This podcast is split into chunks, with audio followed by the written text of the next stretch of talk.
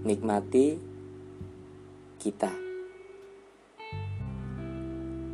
Karena setiap kejadian yang kita rasa adalah kenikmatan yang kita punya. Setiap air mata adalah susu manis yang mahal harganya.